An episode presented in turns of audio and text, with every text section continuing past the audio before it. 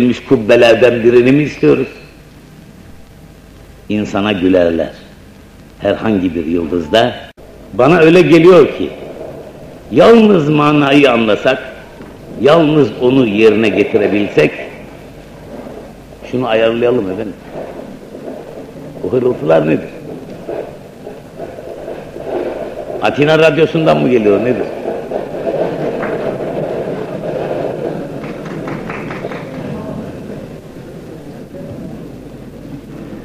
Bana öyle geliyor ki, yalnız manayı anlasak, yalnız onu yerine getirebilsek, Ayasofya'nın kapıları sabır taşı gibi çatlar, kendi kendisine açılır. İsterse açılmasın, ondan sonra her şey küçük bir tatbikat işinden ibaret kalır. Biz kimden neyi istiyoruz? Yemen'den Viyana'ya, Fas'tan Kafkasya'ya kadar. En aşağı 10 milyon kilometre karelik bir zemin üzerinde. Evet böyle bir zemin üzerinde atalarımızın ata derken halimize bakıp başımızı dövdüğümüz nur insanların tohum atarcasına her tarafa septiği kubbelerden birini 700 bin kilometre kareye indikten ve bu halin ismine milli kurtuluş dedikten sonra evet bütün bunlardan sonra toprağa kaybedilmiş kubbelerden birini mi istiyoruz? İnsana gülerler. Herhangi bir yıldızda bu türlü iddialara girişen milletleri sürecek bir tımarhane olsa bizi oraya sürerler. Alemde cüceleşmiş devlerin eski rollerini takınmasından daha çirkin bir tablo yoktur. Cüceleşmeyeydin, şimdi devinden, devin hakkından nasıl bahsedebiliyorsun derler böyle insanlara ve milletlere. Evet sevgili gençler, bir manzumemde söylediğim gibi kellelerimizi tırnaklarımızla yerinden söküp iki diz kapağımıza yerleştirmenin sonra batırdığı susturmaya giden daha büyük batırdığı. Efendim ben hep irticali konuşuyorum biliyorsunuz bunu mahsus yazdım ki tek tek damla damla sizilsin hayatımın mühimce bir eseri olduğuna kaniyim ve mazbut olması da lazım çünkü Ayasofya gayet nazik bir mevzu.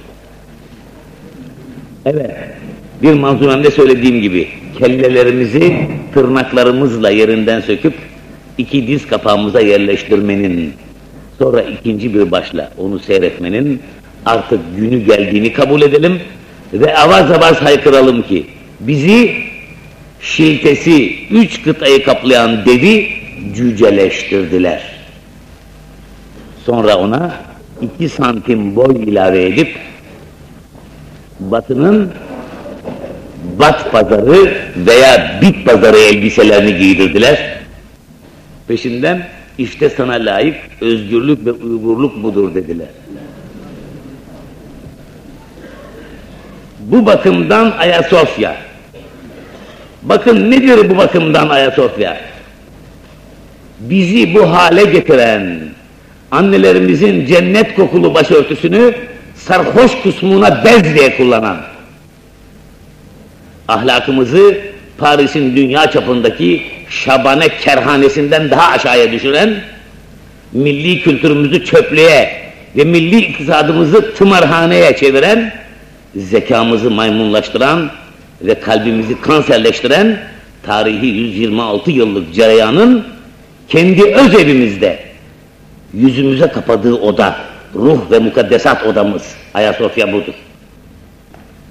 126 yıl boyunca dışarıdan Batı emperyalizmasının, içeriden de onların sadık ajanları sıfatıyla kozmopolitlerin, Yahudilerin, dönmelerin, masonların ve nihayet hepsinin birden ana sermayesi ve gönüllü fedaisi halinde adı Türk, küfür tip ve zümrelerinin idare ettiği bu cereyan Ayasofya'yı müzeye çevirmekle sağlık müzelerindeki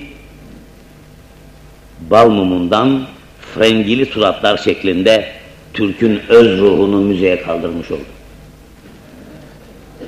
Frank kelimesinden gelen frengi veya frengi ismine dikkat ediniz. Türk'ün mukaddesatına frengili bir surat gibi bakan bu insanlardır ki frenginin ta kendisidirler ve ciğerlerine kadar frengilidirler.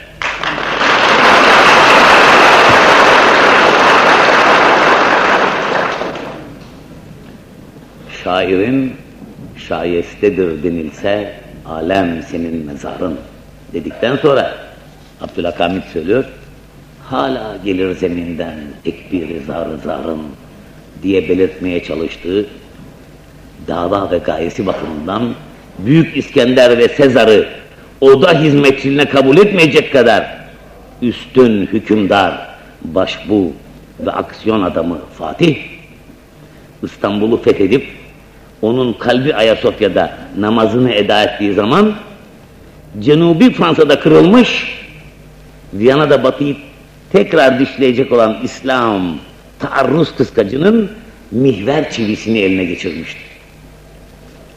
Ayasofya işte bu incecik mildir, bu çividir.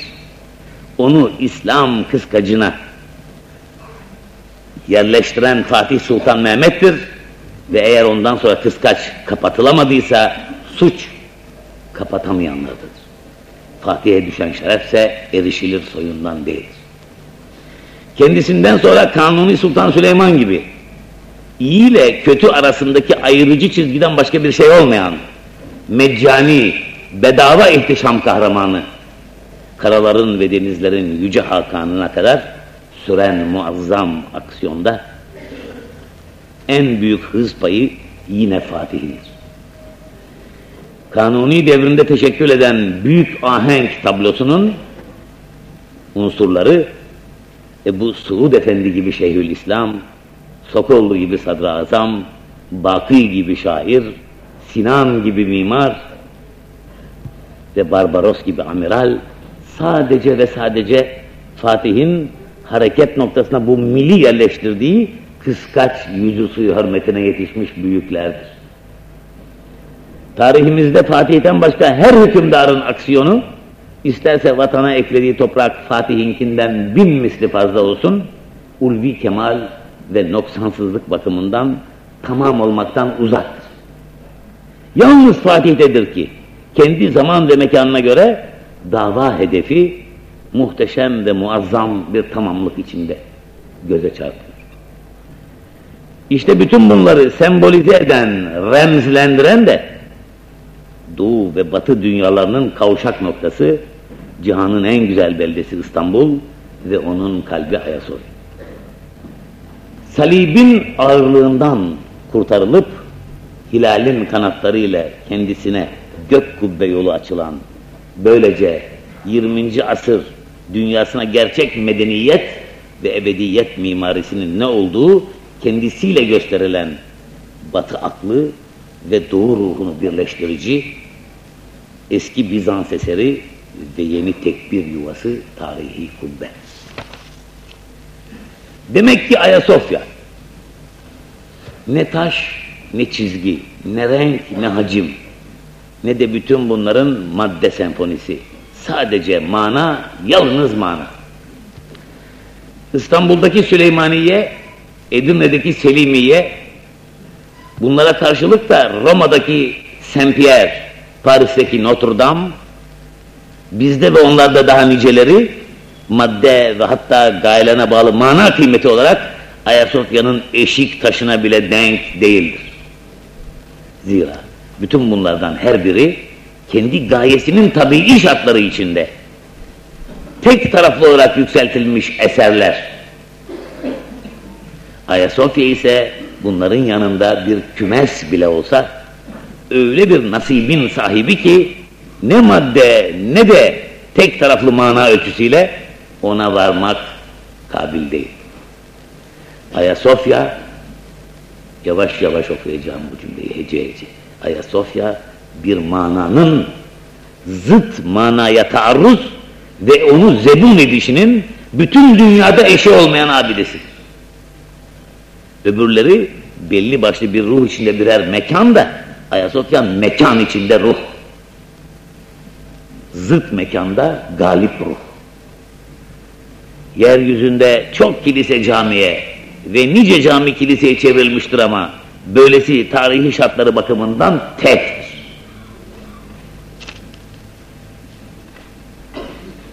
Fatih Sultan Mehmet bu hikmeti sezdi ve Ayasofya'yı İstanbul gibi misilsiz bir mahfazanın içinde güneş çapında bir pırlanta gibi zapt ve fethetti. Tarihimizde daha nice zapt ve feth hareketinin kahramanı var. Niçin hiçbirinin adı has isim olarak Fatih değil? Zira Fatih bu davanın hakikisidir, öbürleri de taklidi. İmdi biraz evvel işaret ettiğimiz gibi Imperium Romanum eski Roma İmparatorluğundan üstün bir imparatorluğun dev adamı olan Türk'ü binbir tarihi sahip yüzünden cüceleştiriyorlar.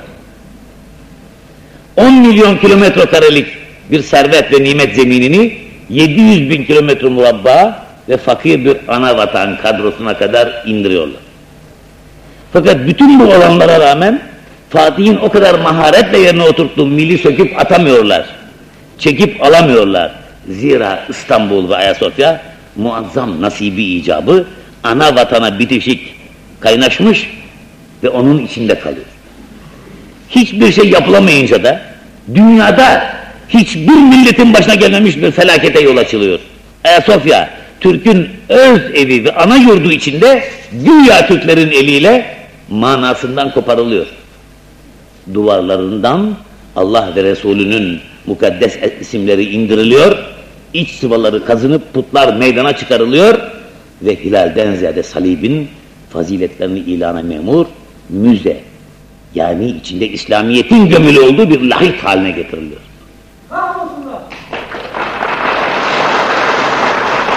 İçinizden heyecan ve fikir. Bize o lazım.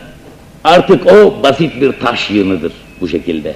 Öyle bir taş yığını ki sadece kendisinde kıyılan ulvi mananın katillerini ilan ve iftarla kalmıyor.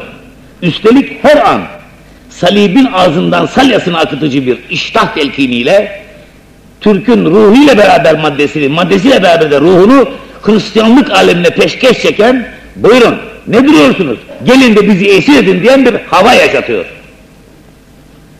Ayasofya'nın hilal hakimiyetinden uzaklaştırılmasıyla düşmana aşılanan gayret Ayasofya'nın bir daha okuyorum hilal hakimiyetinden uzaklaştırılmasıyla düşmana aşılanan gayret, tarafımızdan aşılanan gayret, bir ordunun harp planlarını satmaktan beter bir tehlike ve suç belirtir.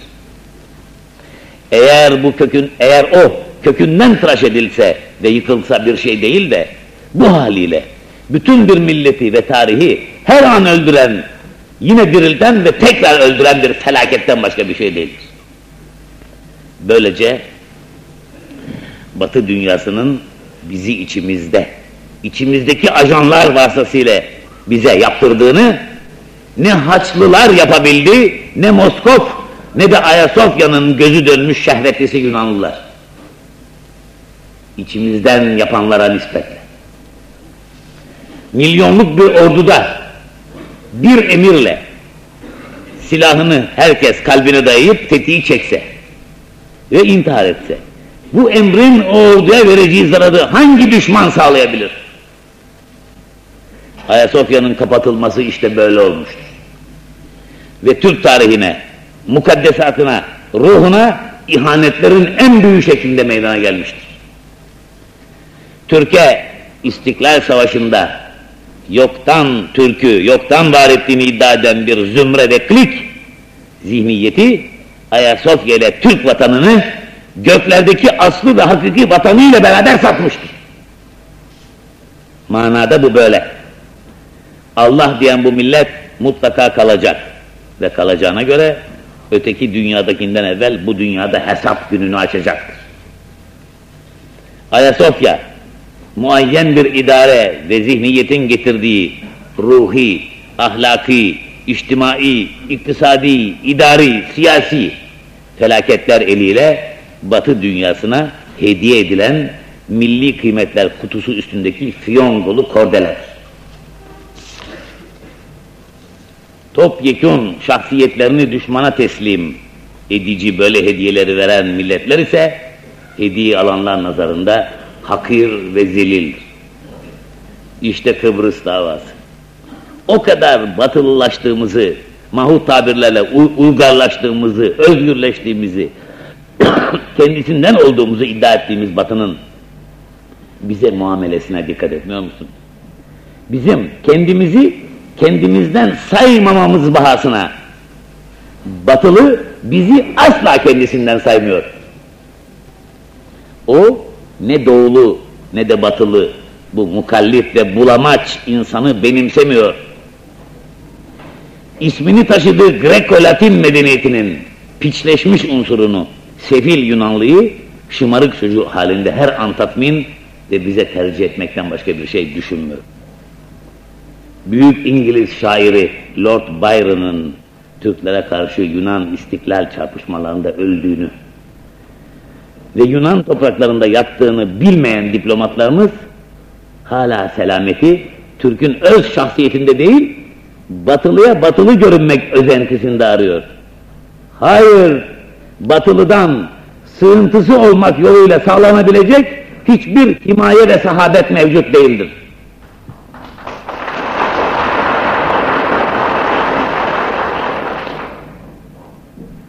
Biz bu kafayla gittikçe de başımıza daha neler geleceği görülecektir.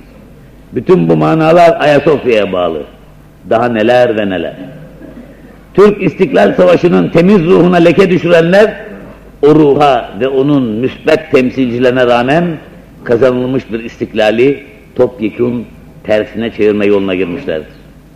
Belirttik ki kendi öz mukaddesat ve tarihine, kendi tarihini kendi öz yurdunda maskara edenlere o mukaddesat ve tarihin düşmanları hürmet etmez, tiksintiyle bakar. İşte dünyada ve dış politikada yüzümüze kapanan kapılar bunun için örtülüyor. Doğudan dolayı bunun için olmasa da dolayısıyla bunun için şahsiyetsizliğin cerebeti. Bunun içindir ki Avrupa köküne kadar şahsiyet heykeli 2. Abdülhamit Han'a onu baş düşmanı bildiği halde hürmet ediyordu. Almanya İmparatoru Wilhelm siyaseti ondan öğrendiğini söylüyor ve Prens Bismarck Abdülhamit nefretiyle doluyken onu asrın en büyük siyasi dehası gösteriyordu. Eğer Abdülhamit Ayasofya'yı müze yapmak karşılığında bütün dünya hazinelerini kendisine verse, vereceklerini söyleselerdi, nefretle reddeder, devletini ve hayatını almakla tehdit etselerdi, son damla kanına kadar akıtmaktan çekinmezdi.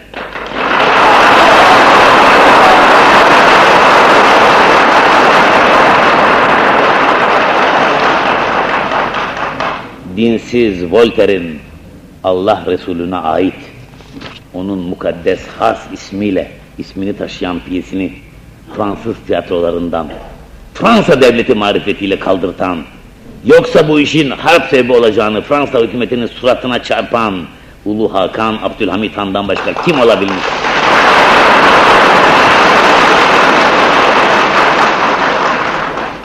O Abdülhamit Han ki boyu, bunca ordusundan yalnız bir tanesiyle birkaç gün içinde Atina kapılarında görünüvermiş ve küçücük bir Yunan şımarıklığını onlara İstanbul'dan bahsettirmek yerine Akropol önlerinde ordugah kurmakla cezalandırmış.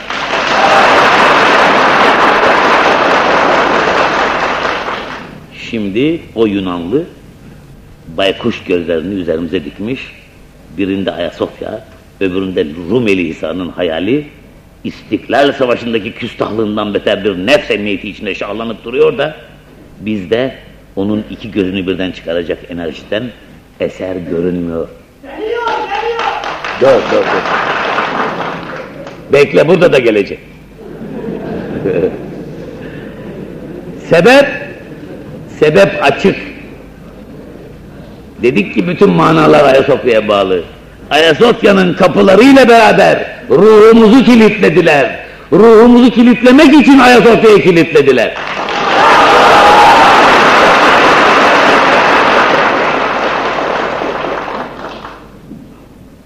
Nasıl bütün yollar Roma'ya çıkarsa, Türk manevi kurtuluş davasının bütün meseleleri de Ayasofya'ya ve onu müzeleştiren ellere çıkar.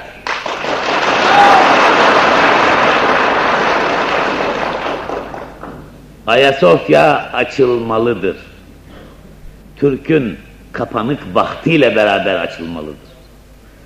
Ayasofya'yı kapalı tutmak, manada bütün camileri ve cami mefhumunu kapalı tutmaktır. Çünkü onların hepsi birer mekan, Ayasofya ise ruh. Anlattık. Ayasofya'yı kapalı tutmak, Yunanlıya ben yapamıyorum, sen gel de kendi hesabını aç demekten farksızdır. Aman ya Rabbi, bizim camiden müzeye döndürdüğümüzü, onun müzeden kiliseye çevirmek istediğini açıkça görüyoruz da, ana yurdu, e, ana yurdu içindeki mukaddesat sembolünü nasıl asli heyetine getiremiyoruz? Ayasofya'nın manasını Yunanlı kadar olsun idrak edemiyoruz. O bizim müze yaptığımızı müze haline istemiyor. Biz de ona ters cami yapalım demiyoruz elimizde camiyken. Dünyanın en korkunç hikmet noktası burası.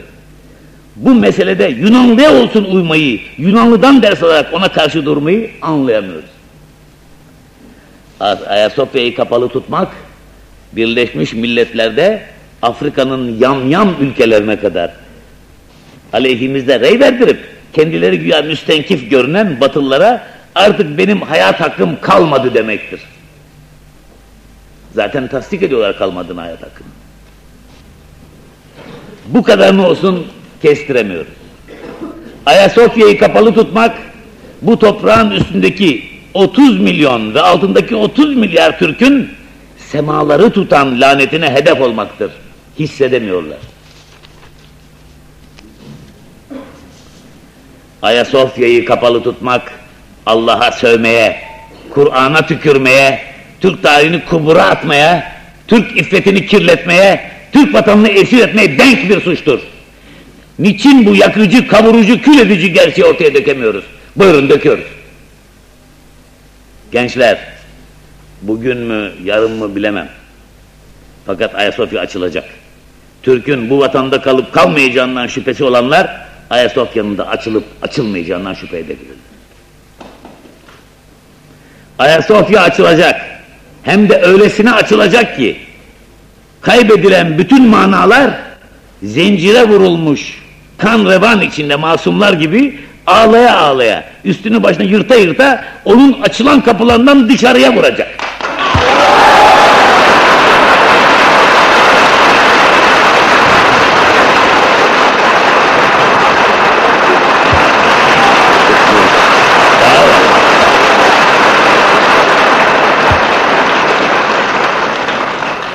Öylesine açılacak ki bu millete iyilik etmiş sanılan kötülerle kötülük etmiş sanılan iyilerin gizli dosyaları da onun mahzenlerinde ele geçecek.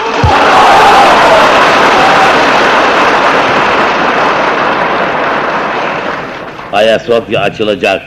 Bütün değer ölçülerini, tarih hükümlerini, dünyalar arası mahsup sırlarını, her iş ve her şey hakkındaki gerçek miyalları çerçeveleyici aziz bir kitap gibi açılacak. Allah tarafından mühürlenmiş kalplerin kapısını mühürlediği Ayasofya, yine onların aynı şekilde mühürle, mühürlemeye yeltenip hiçbir şey yapamadığı, günden güne kabaran akınını durduramadığı ve çığlaşacağı günü dehşetle beklediği mukaddesatçı Türk gençliğinin kalbine eş açılacak.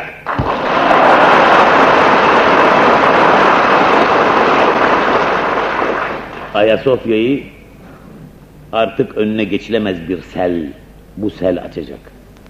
Bekleyin gençler, biraz daha rahmet yağsın. Her yağmurun arkasında bir sel vardır. Hepimiz şöyle diyelim, o selin üstünde bir saman çöpü olsam daha ne isterim? Gençler, kayaları biçecek, ormanları tıraş edecek ve beton armeleri söküp götürecek olan bu sel yakındır. Allah mukaddes zatının ve Resulünün dostlarıyla beraberdir.